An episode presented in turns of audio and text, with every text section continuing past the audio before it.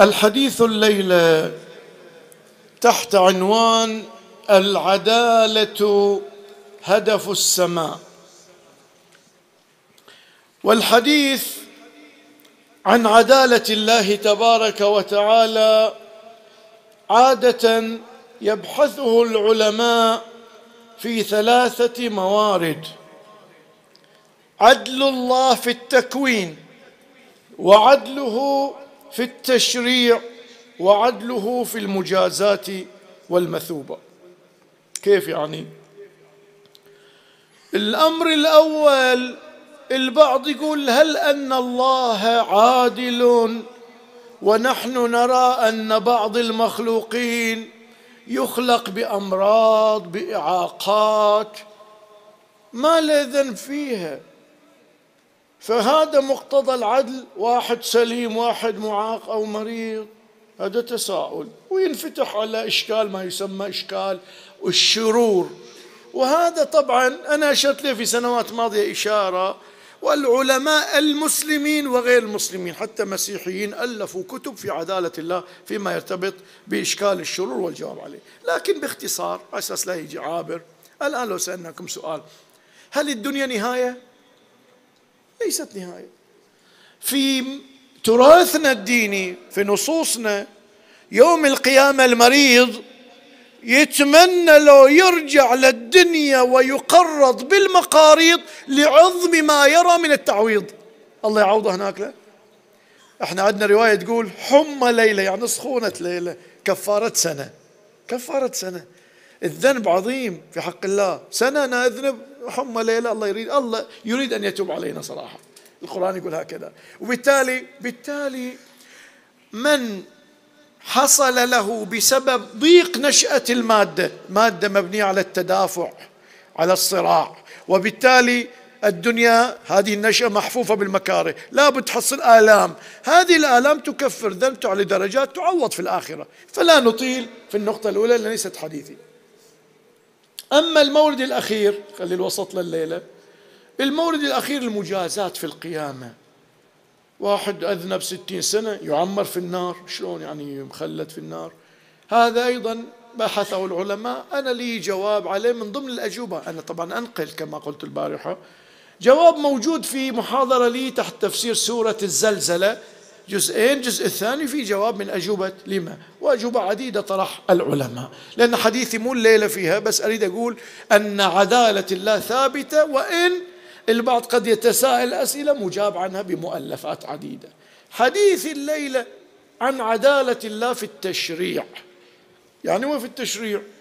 يعني في القوانين اللي وضعها. في الشريعة في الفقه. يجب ولا يجوز ويحرم وحق الرجل وحق المرأة وال... هذه في عدالة لو ما في عدالة. هذا حديثنا الليلة. قبل لا ندخل في ذلك بنقدم مقدمة. واحاول اختصر لأن أنا وجدتني اتعبكم وصلتني الأخبار أن أنا التطويل يتعب الأخوة. الليلة نحاول نحاول نحاول. قلتون هلا ولا؟ نحاول لأن ما أقدر ما أعدكم أفي لكم لولا إن شاء الله نفي.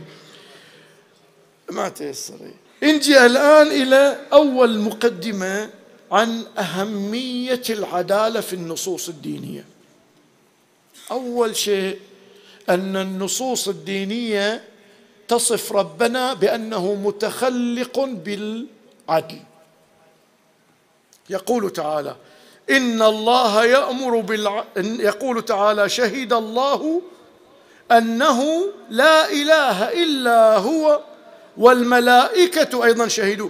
وأولو العلم قائما بالقسط. هي شهدوا لله قائم بالقسط. فاللي يظلم الله ويقول ظالم هذا جاهل. السؤال أنا عندي سؤال قبل لا نروح. يصير يمكن الله يظلم لو ما يمكن؟ لا يقدر يظلم؟ يقدر. مو ممكن الظلم في نفسه. شلون؟ الآن أنا بقول كلام بعض العلماء. يقول أن الظلم لا يعقل تصوره في حق الله. مو نقول صدر ما صدر. شلون يعني؟ خلينا نبين الفكرة. ما معنى الظلم؟ الظلم أن تعتدي على الآخر. شيء من حق الآخر أنت تعتدي عليه. أنت جيت تأخذ فلوسه هذا اعتداء. هذا فلوسي ملكي. الله موجود. ما عدا الله. موجود لو مو موجود؟ أنت وأنا موجودين. ما عدا الله في الوجود هو خلق الله. ما يوجد إلا الله وخلقه مو في آلهة وخلقها وآلهة ثانية وخلقها. ما يوجد إلا الله وخلقه الله يملك خلقه لو ما يملكهم. تصرف الله في خلقه ظلم لو عدل ما ظلم أحد هي ملكه. فما نقدر نتصور الله يظلم. ليش؟ لأن ما بيتصرف إلا في ملكه. والتصرف من المالك في ملكه ليس ظلما. فالاصلا ما نقدر نقول يمكن الله يظلم لا ما في مجال لأنه مملوك للآخر فالآخر مملوك له فلا يظلم. لكن مع ذلك سار الله في خطابه معنا بسيرة العقلاء من التباني على حسن العدل وقبح الظلم. فقال أنا ما أظلم حتى بالمعايير العقلائية اللي عندكم. أنا ما أظلم حتى في شرعي ما ما في ظلم بالمعايير اللي عندكم. وأنا ما أظلم أحد أنا الخالق. وفي آية أخرى يصف قال إن الله لا يظلم الناس شيئا ولكن الناس أنفسهم يظلمون. فإذا الله تبارك وتعالى أفاض علينا كل ما نحتاج. وإذا واحد ما حصل قد الآخر مو الله منعه وعاءك أنت صغير. الآية في لفظها أو معناها أنا مو حافظ البداية مالتها صح أخاف أخطأ فيها. أنزل من السماء ماء فسالت أودية بقدرها. يعني شنو؟ يعني الله نزل المطر على كل هالأودية بالسوية لكن الوعاء الوادي السحيق أخذ مطر واجد. مو لأن المطر طاح أزيد من هناك سقط هناك بنفس كمية هناك لكن هذا وعاء كبير صار حصته واجد ذاك قليل. الله يقول نحن ما نمنع أحد وما كان عطاء ربك محظورا. إحنا نفيض الوجود كل واحد ياخذ من الوجود بقدر وعائه. فالله يقول شوف الآية الشريفة قال ربنا الذي أعطى كل شيء خلقه ثم هدى. أعطاه الوجود وأعطاه الهداية. الحيوانات هداية تكوينية. الإنسان لأن في دائرة الامتحان يحتاج لهداية تشريعية أيضا. يعني يرسل له رسل يعلمونه فاذا أول أول شيء بين اهتمام الله بالعدل هو أنه متخلق بهذا الخلق. اثنين.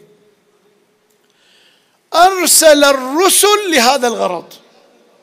كل الرسل يقول تعالى لقد أرسلنا رسلنا بالبينات وأنزلنا معهم الكتاب والميزان ليقوم الناس بالقسط. يعني أنا مطرش 313 رسول والأنبياء كلهم من أجل العدالة ليقوم الناس بالقسط. رسلناهم للعدالة. هسه لو سألنا الله الآن لو بيظلم يظلم لشنو؟ واحد. الظالم قد يكون سبب ظلم الجهل مثل بعض الأزواج. يعتب على زوجته ويجي يقول شيخنا مقصرة في حقي والله العظيم واحد اثنين ثلاث. يقول له لا مو واجب عليها عدل. كيف مو واجب؟ زوجتك. هذا انت تب الشرع ما واجب عليه. يعني أنا ظالم منها لما تكلمت عليه إيه؟ ما يدري مو قصده يظلم كان يتصور من حقوقه. وهي نفس الشيء قد تقول هذا ما سفرنا ذيك السنة آخر مرة ذيك السنة ولا مو واجب يسفر زي ما وداني الحج. مو واجب عليه يوديش الحج. اشترطي عليه في العقد؟ لا مو واجب. الحج والحج مو واجب على المستطيع.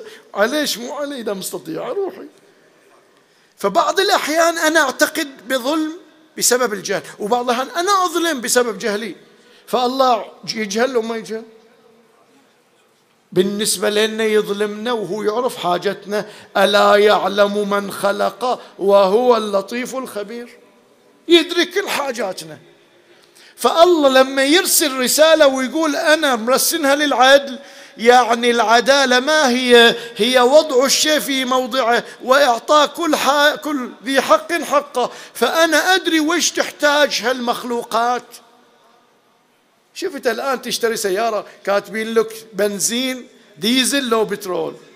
بترول ممتاز لو لو جيد تشربها صح لو لا؟ ليش؟ اللي صنعها يعرف وش تحتاج؟ ويقول لك هذا يضرها هذا زين لها. الله إحاطته بالمخلوق أزيد من إحاطة الصانع بما صنع. فالله تبارك وتعالى لما يقول هذا يعني عطاك ما تحتاج بالضبط. السبب الثاني للظلم الفقر الحاجة. أنا طفت على بيتك سرقت لي من عندك شيء محتاج أكل أكلت من عندك. هذا ظلم. سرقة لا الله غني لو فقير. يا أيها الناس أنتم الفقراء إلى الله والله هو الغني الحميد. هذا الله خزائنه لا تنفد. وإيش ما يعطي ما يتغير شيء. ملكه ما يتغير. كن فيكون. يعني. فإذا ما عنده فقر حتى يظلم بسبب الفقر والحاجة. بعد ساعات واحد يظلم تقول ليش تظلمني؟ يقول كيفي. كيفي.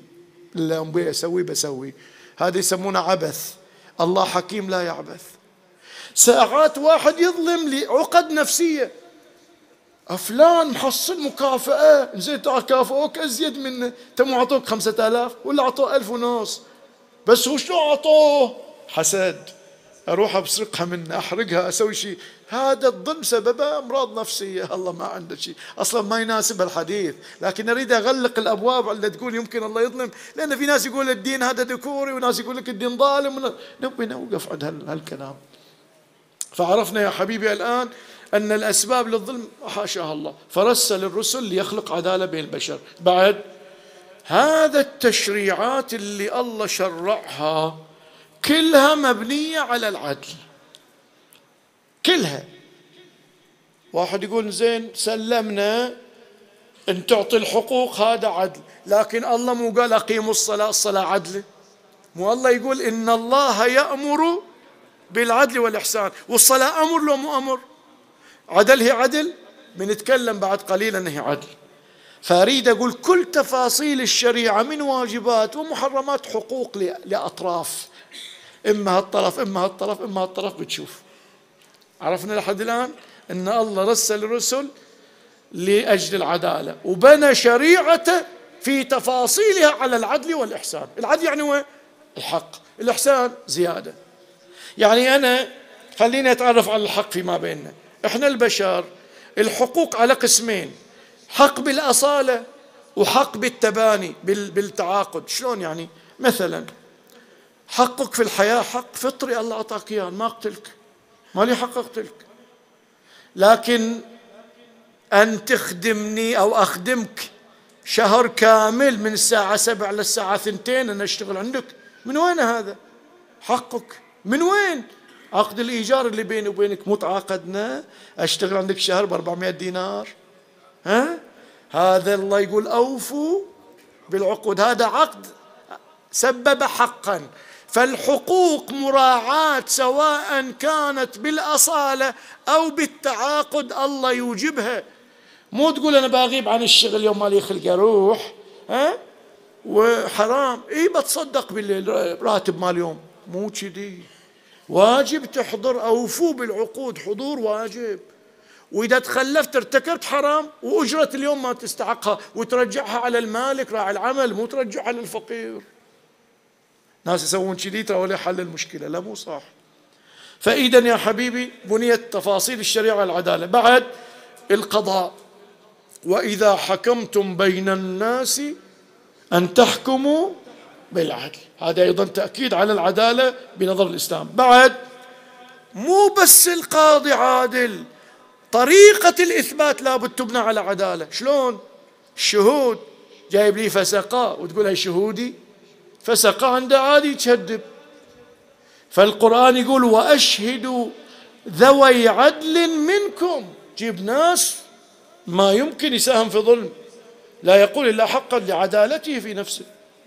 هذا أيضا تأكيد على العدالة. بعد لو صار نزاع بين فرقتين من المسلمين لازم نحكم العدل. وإن طائفتان من المؤمنين اقتتلوا من المؤمنين اقتتلوا فأصلحوا بينهما فإن بغت إحداهما على الأخرى فقاتلوا التي تبغي حتى تفيء إلى أمر الله. فالإسلام يقول لا تقعد ساكت. تشوف اثنين من المؤمنين قاتلتكم مالي شغل كونا للظالم خصما وللمظلوم عونا. يعني ترفع الظلم ما تسمح بالظلم. بعد الأمر السابع قال أنتم عواطف تحبون. لا ياخذك حبك لأحد أن تظلم. والله أنا أنا يا أخوي على ود عمي وأنا ود عمي على الغريب. شهدت لا ود عمي. انت تدري؟ لا ما ادري بس قال لي تعال شهد. رحت شهدت عود عمي. القرآن يقول يا أيها الذين آمنوا كونوا قوامين بالقسط شهداء لله ولو على أنفسكم أو الوالدين والأقربين. حتى لو على والدك تشهد الحق العدل عادل. مو لأن أبوي يعني اوقف وياه بالظلم. ما يجوز. فالحب في الإسلام لا يصرف العدالة. بعد ساعات مو حب ساعات كراهية. أنا هذا ما أشتهي أنا بشهد لك. عليه. يصير؟ القرآن يقول يا أيها الذين آمنوا كونوا قوامين لله شهداء بالقسط ولا يجرمنكم شنآن. كراهية. شنآن قوم على ألا تعدلوا اعدلوا هو أقرب للتقوى. واتقوا الله إن الله خبير بما تعملون. بل حتى الكافر الكافر شوف نظرة الإسلام إليه. لا ينهاكم الله عن الذين لم يقاتلوكم في الدين ولم يخرجوكم من دياركم أن تبروهم وتقسطوا إليهم. القسط عدالة والبر إحسان. تحسن لكافر اي ما أداك. ما وقف ضد دينك. إن الله يحب المقسطين. يعني إذا تقسط للكافر الله يحبك. هذه تربيه الدين مع الكفار. بعد نجي إلى الله عذب أمم سابقة. نسأل القرآن لما عذبهم؟ قال تعالى وما كنا مهلك القرى إلا وأهلها ظالمون. يعني ما أهلكنا قرية إلا بسبب الظلم. تعبير ما كنا علماء يقولون يا الله يريد يقول ليس من شأني أن أعذب بدون ظلم. مثل إذا يقول الله وما كنا معذبين حتى نبعث رسولا. يقول أنا ما يناسبني أعذب واحد في أدغال إفريقية ما وصلت الدعوة ما سمع بنبي ولا رسول ما أعذبه. مو من شأني أعذب بدون إقامة حجة. هكذا الله تبارك وتعالى. فإذا ليس من شأن الله أن يعذب إلا بسبب الظلم كما في الآية. وما كنا مهلك القرى إلا وأهلها ظالمون. بعد يوم القيامة يوم ميزان عدل. ونضع الموازين القسط ليوم القيامة. فإن الله لا يخشى إلا عدله. ما نخاف ظلمه نخاف عدله. إذا أخذنا بكل شيء راحت علينا. نبي ما يتنازل. نقول عنه يا سريع الرضا.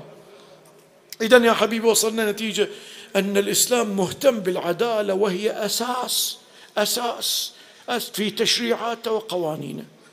نجي الآن إلى البعض يقول الدين فيه ظلم. ظلم مثلا المرأة كمثلا. وش اللي يخلي البعض قد يتبادر لدينا وجود ظلم؟ الحقيقة أن العدالة إعطاء كل ذي حق حقه. هل الحقوق واضحة؟ هل العدالة ممكن ندركها بعقولنا لو لا؟ هذا سؤال. إحنا اليوم في القرن الواحد والعشرين. هل الدول الغربية المتقدمة في الديمقراطية والتي تدعي أنها تناصر حقوق الإنسان هل قوانينها التشريعية واحدة لو يختلفون؟ بلد يقول الإعدام عدل. بلد يقول الإعدام ظلم. هذا تحكمه 300 سنة وما تعدمه.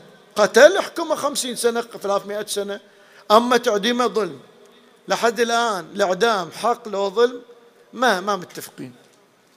ونفس الدولة بين فترة وفترة تغير في قوانينها تكتشف الخطأ. إذا نريد أن نقول أن هذا الإنسان حتى لو أعمل عقله سيصل إلى عدل لكن مو كامل. ستبقى هناك مساحة لا يميز. هل ما مقتضى العدل ما هو؟ والدليل اختلاف العقلاء اليوم. أصلا بعض الدول كل قاضي يختلف مع القاضي الثاني يرفعون التفسير القانون مال البلد إلى المحكمة الدستورية ويأخذون بالأكثرية لأن مو كلهم نفس الشيء اتفقوا في المحكمة الدستورية. لأن ما مو وضوح الحقوق؟ مو كلها واضحة. فإذا كانت الحقوق ليست واضحة كيف يتجرأ إنسان يقول الله ظلم؟ إيش دراك مو اللي خلق يعلم أنت ما تعلم. فإذا أول شيء نقوله أن الحقوق على قسمين حقوق بينة يمكن ندركها. مثل يجي واحد يقتل واحد بدون سبب يقول انت ظالم معتدي. يجي واحد يسرق الآخر يقول أنت معتدي. وبين حقوق فيها خفاء. الخفاء إما يحتاج رفعه إلى حس فطري نقي مو متأثر بالثقافات والعادات وهذا صعب حصوله عند أكثر الناس. وإما السبب أنه يحتاج إلى خبرة تجارب يعني يجربون هالقانون سنين ثم يكتشفون أنه ظالم فيشيلونه.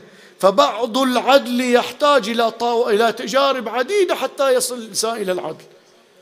هذا السبب الثاني. السبب الثالث حتى تعرف العدل لازم تعرف الحياة وسننها وغاياتها. شلون يعني؟ يعني خليني أنا أضرب مثال لكم يا أحبة. الصلاة. أنا قلت الصلاة عدل. إن الله يأمر بالعدل. يعني من العدل الذي أمر بالصلاة. الصلاة وش لها دور؟ تعطلنا وبدون فائده وش تستفيد؟ من صلاتي وأنا أستفيد من صلاتك. اذا الصلاة ما لها داعي. ما ما تخلق حقوقا. مع أن الإسلام يعتبر الصلاة أهم شيء.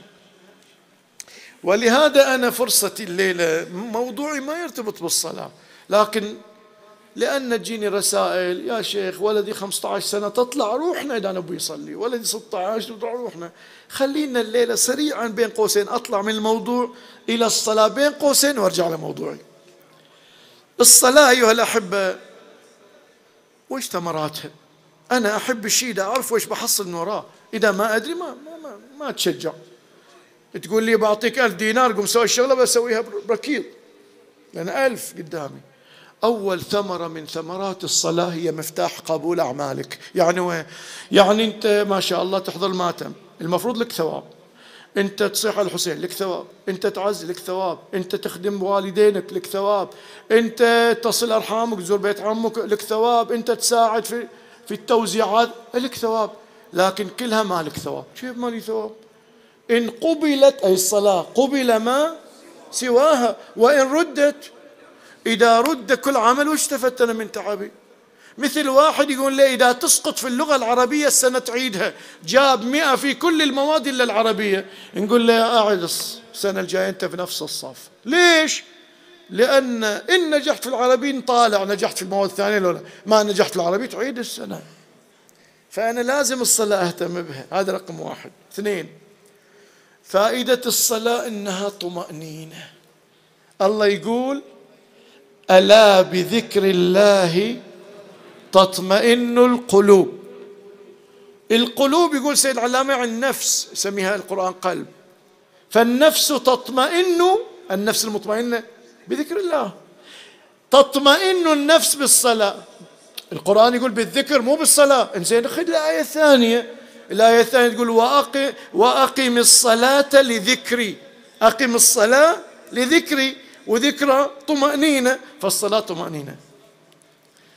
اللي ما يذكر الله اكتئاب. ومن, ومن أعرض عن ذكري فإن له معيشة. وانت اختار تبي اكتئاب لو تبي طمأنينة. حديث بالصلاة. ثلاثة.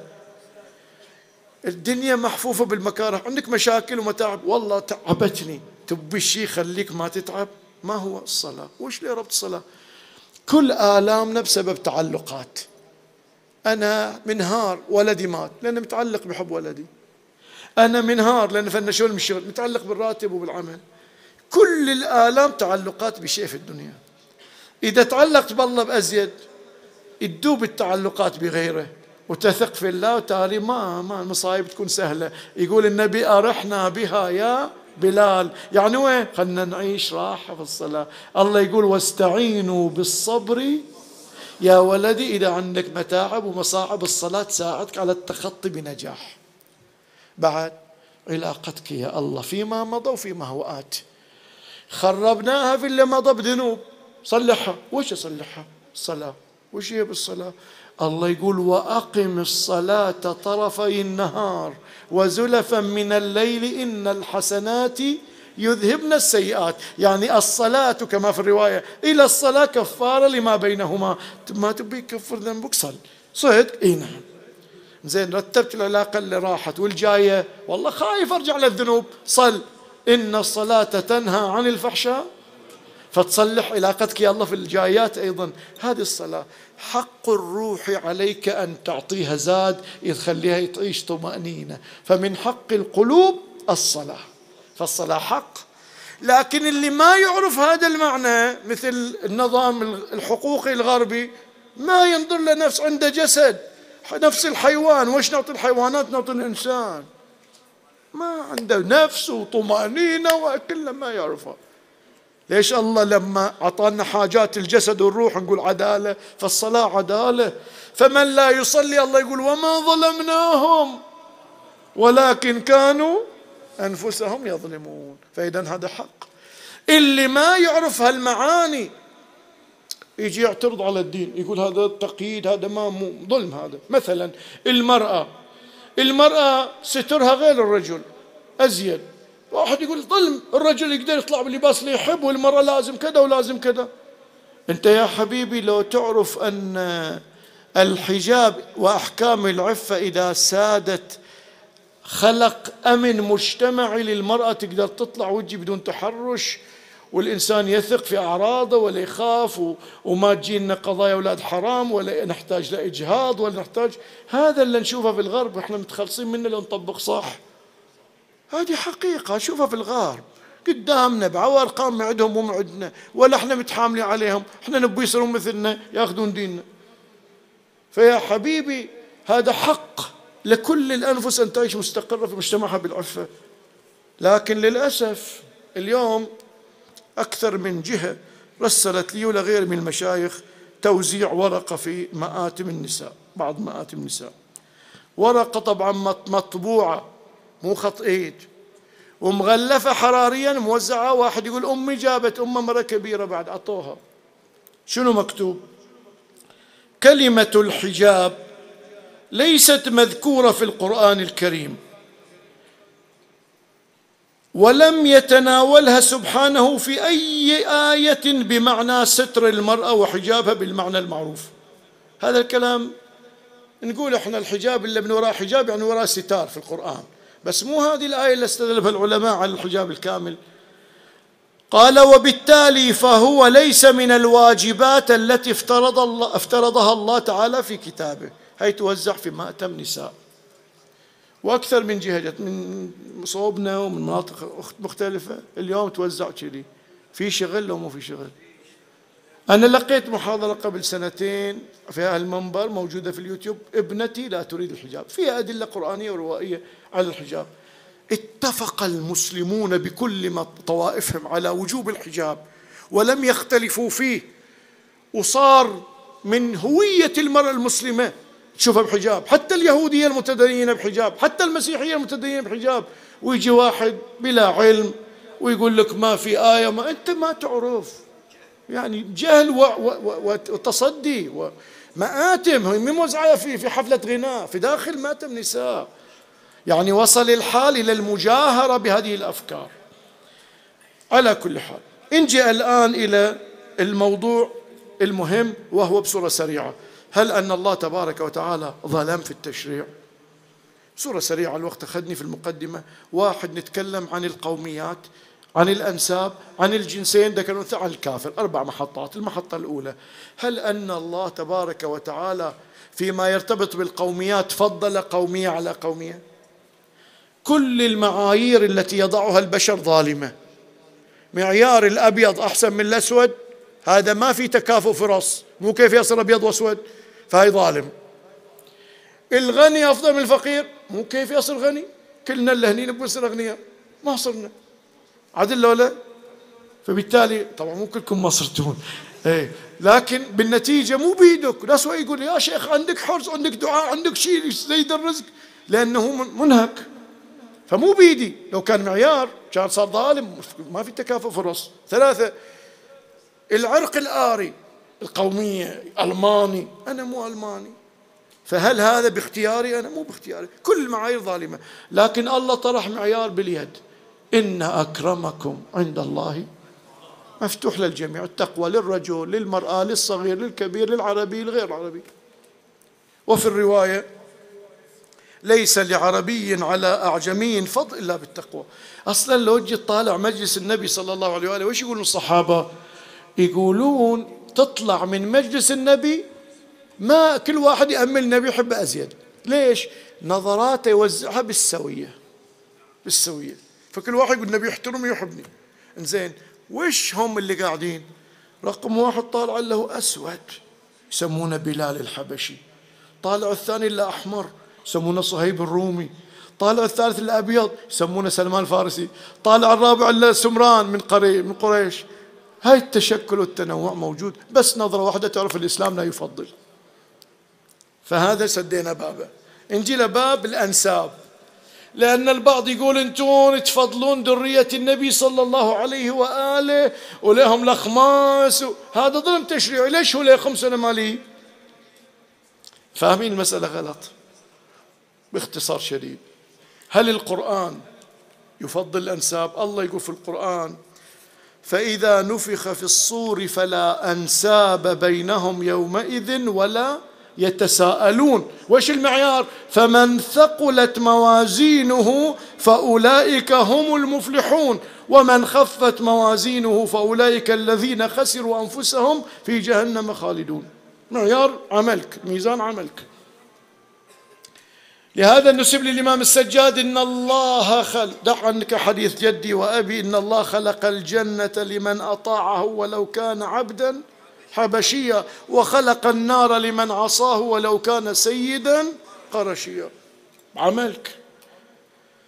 واحد يقول القرآن يقول إن الله اصطفى آدم ونوح وآل إبراهيم وآل عمران على العالمين. أكو الله يقول انتخب له وفضل له. نقول له لا لا لا لا, لا تنظر المسألة كذا. الله نظر في البشر منه اللي وعاء كامل يقدر يتحمل الدور خلاه في هالمورد. مو كل ذرية النبي زينين. ولهذا مو كلهم اصطفاهم الله. لما الله اصطفى إبراهيم قال إني جاعلك للناس إماما. وش قال؟ حبها لكل ذريته قال ومن ذريتي قال لا ينال عهد الظالمين. الظالم من أولادك ما يصير إمام نعطي بس المعصوم منهم. إلا مو زين ما نعطي. لأن فالبعض يتصور أن لا كل لا لا ما أصطفاهم كلهم بهالمعنى لا أبدا. واحد يقول زين كنت تحبون السادة. نحبهم. هذا بدون ما يأمرنا النبي حبيناهم. أنت الحين الحب إذا حبيت واحد تحبه بس هو؟ ها؟ بس هو؟ أمر على الديار ديار الليلة. أقبل ذا الجدار وذا الجدار. وما حب الجدار؟ وما حب الديار؟ شغفنا قلبي ولكن حب من سكن الديار. وما قبل جدار في نظره أي شيء يرتبط بليلة يحبه إحنا الآن النبي صلى الله عليه وآله دوره شالنا من النار زحزحنا عن النار للجنة. ومن يزحزح النار ف فقد فاز هذا ذو حظ عظيم. ما نخرج من شكر النبي نحبه ونحب كل شيء التراب اللي وطأه. هذا شيء بدون أمر إلهي نحبهم هذا مو امتياز. شلون مو امتياز؟ يعني الآن الخمس كمثال. قالوا الخمس مو امتياز؟ لا مو امتياز عملي. شلون مو امتياز؟ لأن في فهم غلط عن الخمس.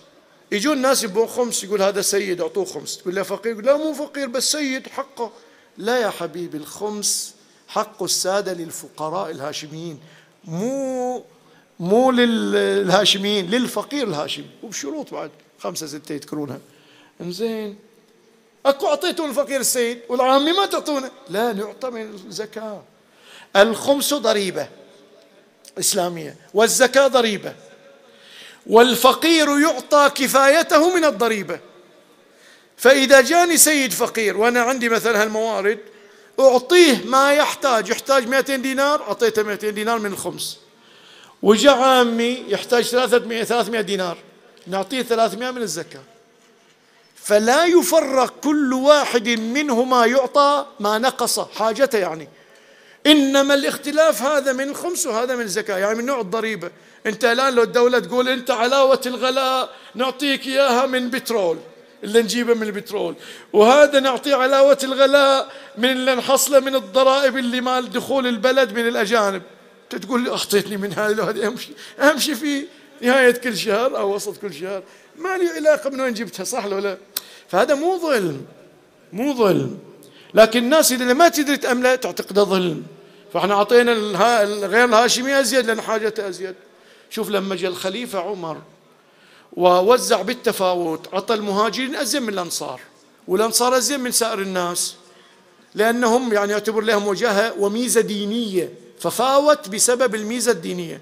جاء الإمام علي قال لا ما يصير. نرجعهم كسيرة النبي صلى الله عليه وآله نساوي في العطاء. تقول هو الميزة الدينية؟ قال ثوابها عند الله. أما المخصصات المالية حقوق مدنية ما تتغير بالامتيازات الدينية لأنك أنت أسلمت قبل. نعطيك مدخول زيد لا. ثوابك عند الله يوم القيامة أخذه. هني حقوق مدنية الجميع بالسوية. هذا علي بن أبي طالب. فإذا ما عندنا الأنساب لها اعتبارات ابدا. انجي للجنسين الذكر والأنثى. هسه خليني قبل لا أروح للجنسين أجيب مثال. في الجنسين يعني. المشكلة وين؟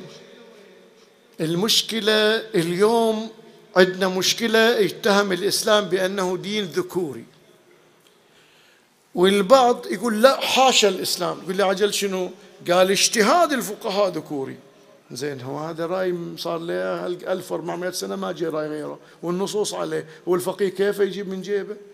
قالوا للسيد الخوي سيدنا انت حللت الموسيقى إذا ما تناسب مجالس اللهو والطرب واللعب. وصار الناس يستغلون هذا ويقول لك هي ما تناسب ويسمعون. ليش يا سيدنا ما تحرمها كامل؟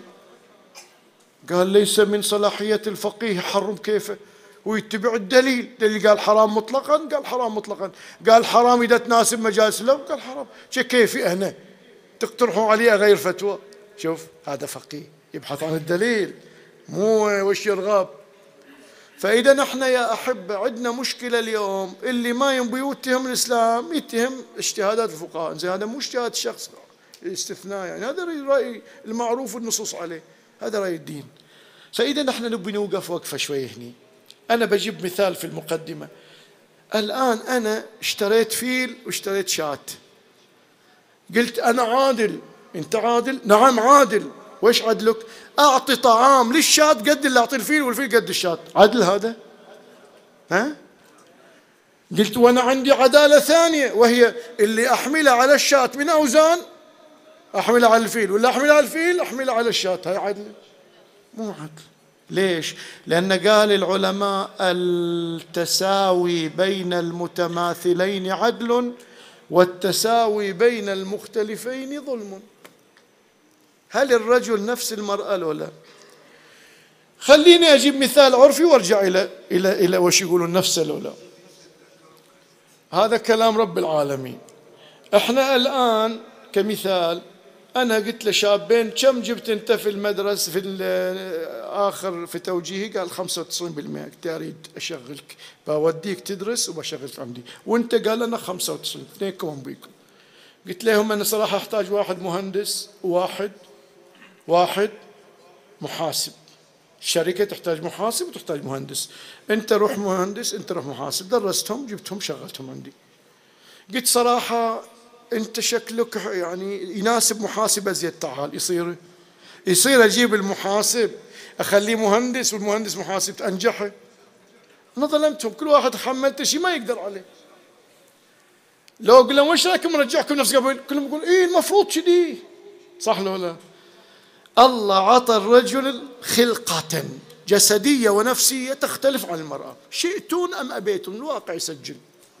تبون أمثلة؟ الواقع يسجله قبل أيام دقوا واحد ضرب في الغرب داش حمام النساء. هو يقول أنا متحول جنسيا قال له لا تدشيني في فطرتهم يدرون ده رجال. هو يقول أنا متحول جنسيا.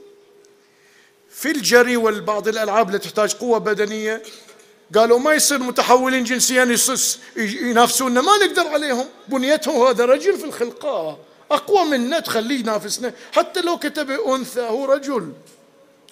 اليوم يطالبون أطباء في أمريكا وغيرها أن الولد ما تكتب ذي ذكر ولا أنثى. لين يكبر هو يختار. يوم بيصير رجل يوم بيصير امرأة. ليش؟ يقول اترك البعد الجسدي البيولوجي الشخصية الاجتماعية يحددها التربية. انت اللي ربيت صبي بيصير صبي ربيت بنيه بيصير بنيه لا تربي على صبي وبنيه لين كبر هو يختار. وش هالحكي هذا؟ يعني صرنا في زمن نتكلم هراء وجاي تعال نقضي الهراء و... أنتم تشوفون؟ اليوم ناس تحولوا نادمين يبون يرجعون قال لهم صعب الرجوع. فإذا أنا الآن الله أوجد مهندس وأوجد محاسب. وقال لهم شغلكم واحد كل واحد من سبع إلى ثنتين الظهر راتبكم بتحصلون آخر الشهر نفس الشيء اثنينكم اشتغلوا عندي ونفس الوقت والجهد أعطيكم نفس الشيء. وهذا الإسلام. الإسلام مو موجي يتجاوز الحقائق الخارجية. الإسلام يقول أنا خلقت جنسين إنا خلقناكم من ذكر وأنثى لكن الأجرة أني لا أضيع عمل عامل منكم من ذكر أو أنثى. ومن يعمل من الصالحات من ذكر أو أنثى وهو مؤمن فأولئك يدخلون الجنة ولا يظلمون نقيرا. ما نظلم أحد. وإذا تميزت المرأة نصطفيها كما نصطفي الرجال. يا مريم إن الله اصطفاك وطهرك واصطفاك على نساء العالمين. اصطفيها بعد وإذا نجحت تصير مضرب مثل وقدوة للرجال والنساء. وضرب الله مثلا للذين آمنوا مو للنسوان. للجميع. لو للنسوان قال للمؤمنات للذين آمنوا امرأة فرعون إذ قالت رب ابن لي عندك بيتا في الجنة ونجني من فرعون وعمله ونجني من القوم الظالمين. ومريم ابنة عمران التي أحصنت فرجها فنفخنا فيه من روحنا وصدقت بكلمات ربها وكتبه وكانت من القانتين. ضربهم مثال. فإذا هذا الاختلاف ليتكاملا ويتزاوجا ومن آياته آية ومن آياته أن خلق لكم من أنفسكم أزواجا لتسكنوا إليها. خلي يجربون زوجون ذكر بذكر كم فترة وبيط كل واحد بيضرب الثاني بوكس وبيتباعدون. ما يصير الانجذاب مو هكذا. وجعل لتسكنوا إليها وجعل بينكم مودة ورحمة. إن في ذلك لآيات لقوم يتفكرون. إذا عرفنا الاختلاف. طبيعي ينعكس على الأحكام. على على الوظائف. ينعكس على الوظائف. شيء طبيعي. فهذه الوظائف مثلا الجهاد. الرجل واجب عليه جاهد. الرجل عنده حزم وعنده قوة بدنية وعنده قدرة على القتال. فالله أوجب الجهاد عليه. ويروح ويجي يا عيون راحت يا إيد انقصت يا يجي. يدافع عن عرضه وعن دينه وعن بلده. لأن بنيته تناسب القتال. وانتين يا المرأة تبين نفس الثواب؟ إي. جهاد المرأة حسن يعني وجود بعاطفتش الجاذبة. لملمة الأسرة بالأم. بالزوجة يعني هذه الأنثى الكبيرة في البيت. يعني واحد يقول أختي الكبيرة أمنا لما راحت أمنا. هي اللي تلملمنا وتسأل عنا وتجمعنا و... هذه عنصر الله خلقه يجذب الأسرة لهذا ما تثني زوج واحد يعني ما تتزوج اثنين في نفس الوقت لعدة أسباب. هي عمد في الأسرة. فقال له حسن التبعل هذا استقرار اللبنة الأولى للمجتمع. عليش انتين وثوابش نفس اللي يدافع عن اللبنة. اللي يدافع هناك وجراح وقتل وكذا ثوابه نفسش انتين هنا. وحتى ولادتش ذاك البعيد الله اختار الأمانة ومتي في الولادة انتين شهيدة. هذا الدين ما ظلمها أعطاه المهندس ما يناسب تخصصه والمحاسب ما يناسب تخصصه. انزين واحد يقول زين وين نعرف تفاصيل؟ لأن في فروقات في الأحكام. مثلا ليش الطلاق بيد الزوج؟ ليش كذا؟ ليش المهر على الزوج؟ ليش المرأة كذا؟ ليش كذا؟ اقرأوا كتب علمائنا. أنا أنصح بكتب مثل كتاب الشهيد مطهري نظام حقوق المرأة في الإسلام. نظام حقوق المرأة في الإسلام. ينفع. كتاب ثاني جمال المرأة وجلالها للشيخ جوادي آمولي. كتاب ثالث لسماحة الشيخ محمد صنقور مقالات حول حقوق المرأة. كتاب رابع للسيد محمد باقر ولد المرجع السيد السستاني اسمه اتجاه الدين في مناحي الحياة. هالكتب كلها موجودة على النت ببلاش. كلها. بس يا أختي يا بنتي اقرأي. لأن اليوم يستهدفونك وأنت عندك في رأسك تساؤلات إما ما تقولينها إما تعتقدينها. اقرأي الجواب. إذا أنت عندك ترسبات من سلوكيات تطبيقية خاطئة جدش كان عنيف مع زوجته عمش عنيف مع زوجته أبوش مع زوجته اقرأي سيرة الخميني الكبير مع زوجته. والسيد الطباطبائي مع زوجته. والشيخ جوادي آملي مع زوجته. والشهيد الصدر مع زوجته. وشيخ حسن حسن زادي آملي مع زوجته. روح شوفوا علاقتهم. هاي التطبيق الصح. هذا الإسلام. فأحنا ما يصير نجي نخطئ الدين لأن ممارسات خاطئة حصلت هنا أو هناك، هذا باختصار فيما يرتبط بالجنسين، الوقت انتهى، نختم في دقيقة ما يرتبط بمساله طبعا في آية أنا أحببت أقراها. إذا تسمحوا لي بجيبها قبل لا أنتقل. ألا وهي البعض يقول القرآن فضل الرجال على النساء. لا مو صح. الرجال فضل الرجال القرآن فضل الرجال وفضل النساء. يعني وش فضل؟ يعني أعطى امتيازات. الرجال لهم امتيازات؟ هالامتيازات لأجل وظيفتهم؟ في الخلقة. والنساء لهن امتيازات؟ تناسب دورهم. شوف القرآن وش يقول. ولا تتمنوا هذا ضم خطاب لذكور لو إناث. أحسنت. إذا الله بخاطب إناث يجيب ضمير تأنيث. إذا بخاطب رجال أو رجال مع إناث يجيب تذكير. هاي العربية. فما يصير هذا الخطاب للنساء فقط لأن جاء تذكير. فهو للطرفين.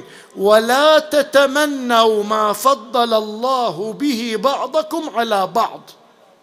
للرجال في تفضيلات نصيب مما اكتسبوا.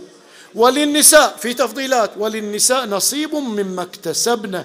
واسألوا الله من فضله إن الله كان بكل شيء عليما. لعلمه خلق لكم امتيازات تناسب الخدمة. حتى الله لما قال الرجال قوامون على النساء ما قال بما فضل الله. قال بهذه القاعدة اللي رسمناها تفضيل البعض على البعض في جوانب والآخر في جوانب أخرى. هذه جوانب القيومية تناسب الرجل لمزيد تعقل عنده وحزم. فإذا هكذا كان. انجي الآن في الدقيقة الأخيرة فيما يرتبط بالآخرين الكفار. أنا أشرت قبل قليل آه، ذكرت آية أقرأها في الختام وهي يقول تعالى لا ينهاكم الله عن الذين لم يقاتلوكم علاقتك مع الكافر. في الدين ولم يخرجوكم من دياركم أن تبروهم وتقسطوا إليهم إن الله يحب المقسطين. إنما ينهاكم الله عن الذين قاتلوكم في الدين وأخرجوكم من دياركم. هي أعداء دينكم وينبون يضرونكم. وظاهروا على إخراجكم أن تولوهم ومن يتولهم فأولئك هم الظالمون. وإلا الإسلام يقول ما يجوز تقتل كافر بدون سبب. الله يقول في القرآن من أجل ذلك كتبنا على بني إسرائيل أنه من قتل مؤمنا لو نفسا. نفسا مو لازم مسلم. نفسا بغير نفس أو فساد في الأرض. ما قتل أحد ولا أفسد. فكأنما قتل الناس جميعا. ومن أحياها فكأنما أحيا الناس جميعا. تقول لي بعد لا تظلم. ومن يكسب خطيئة أو إثما ثم يتهم غيره ثم يرمي به بريئا فقد احتمل بهتانا واثما مبينا. ما يصير تفلت على حتى كافر تظلمه ابدا. فاذا أمير المؤمنين يقول وأشعر قلبك الرعية الرحمة للرعية والمحبة لهم إلى أن يقول فإنهم صنفان إما أخ لك في الدين وإما نظير لك في الخلق. مو مسلم نظير إنسان. فإذا إسلامنا ما يحبب أن نعتدي بالعكس رسم لنا معاهدات النبي عاهد المشركين ووفى لهم. شوف هاي الختام الروايتين. الرواية الأولى واحد اسمه أبو بصير. أسلم في مكة. واللي يسلم في مكة يسلم لو ما يسلم عذبوه وسجنوه. زين النبي متفق يا مشركين مكة اللي يجينا مسلم نرجع عليكم. هاي الاتفاق. الحين هذا سجنوه قدر يهرب من السجن ويجي المدينة. وش قال للنبي في الرواية قال له يا أبا بصير إنا قد أعطينا هؤلاء القوم ما قد علمت. في اتفاق. ولا يصلح لنا في ديننا الغدر. وإن الله جاعل لك ولمن معك من المستضعفين فرجا ومخرجا. ارجع ارجع لهم خلي يعذبونك بس إن شاء الله الفرج قريب. شوف شوف شوف مسلم ورجع إلى كفار لأن في اتفاق. إنجيل الإمام السجاد. عليكم بأداء الأمانة. فوالذي بعث محمدا صلى الله عليه وآله بالحق نبيا لو أن قاتل أبي الحسين بن علي ائتمني, ائتمنني على السيف الذي قتله به لأديته إليه. رجعت إليه. ما يصير أخون قتل ابن الحسين. أرجعه.